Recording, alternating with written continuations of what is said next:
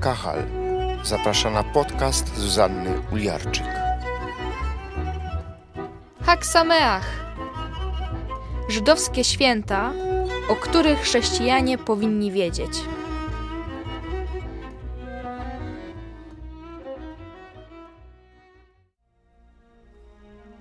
Szawuot Święto tygodni, zielone świątki. Księga Wyjścia. Pan rzekł do Mojżesza: Wstąp do mnie na górę i pozostań tam, a dam ci tablice kamienne, prawo i przykazania, które napisałem, aby ich pouczyć.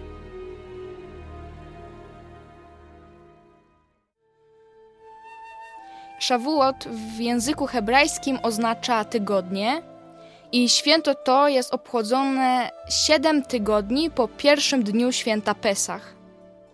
Jest to święto upamiętniające nadanie Bożego Prawa Mojżeszowi, które zostało spisane na kamiennych tablicach.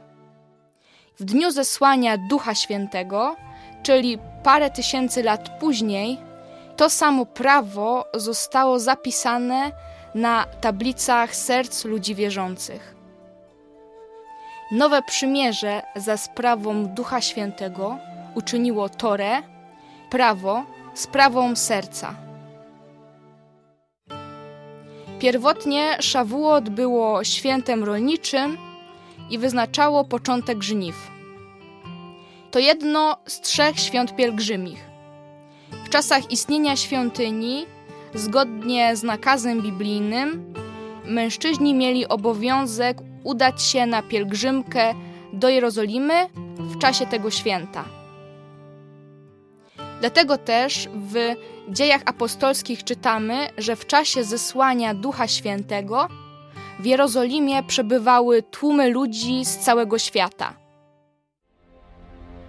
Kiedy Duch Święty stąpił na apostołów, apostołowie mówili we wszystkich językach i każdy z obecnych tam słyszał swój własny język.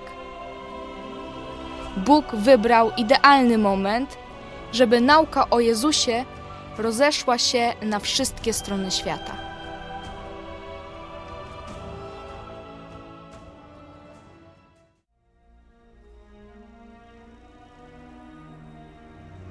Rosh Hashana Księga Kapłańska. W miesiącu siódmym pierwszego dnia tegoż miesiąca będziecie mieli dzień odpoczynku, dzień pamiętny, obwołane trąbieniem święte zgromadzenie.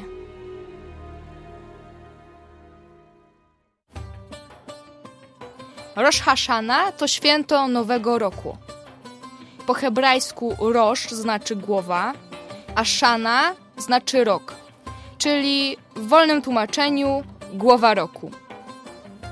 W Biblii dzień ten nazywany jest świętem trąb, gdyż den to wtedy w szofar.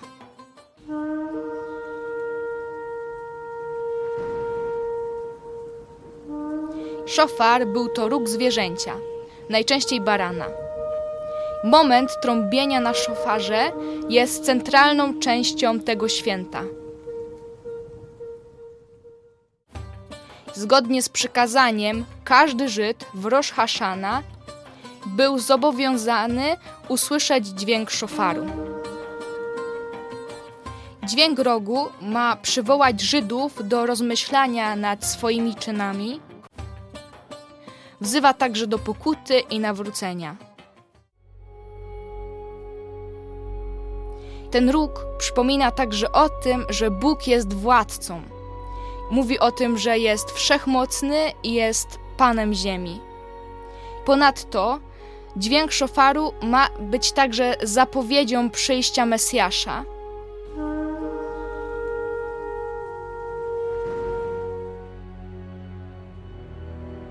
Dlatego też Żydzi powtarzają życzenie, w którym można odnaleźć namiastkę tęsknoty za nim.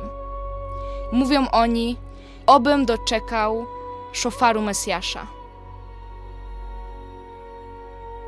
My, chrześcijanie, także wierzymy w to, że Mesjasz przyjdzie na dźwięk trąby. Paweł pisze o tym w liście do Tesaloniczan. Gdyż sam Pan na dany rozkaz, na głos Archanioła i trąby Bożej, stąpi z nieba. Wtedy najpierw powstaną ci, którzy umarli w Chrystusie, potem my, którzy pozostaniemy przy życiu, razem z nimi porwani będziemy w obłokach, w powietrze, na spotkanie Pana. I tak zawsze będziemy z Panem. Przeto pocieszajcie się nawzajem tymi słowy. Na kolejny odcinek zapraszamy już wkrótce.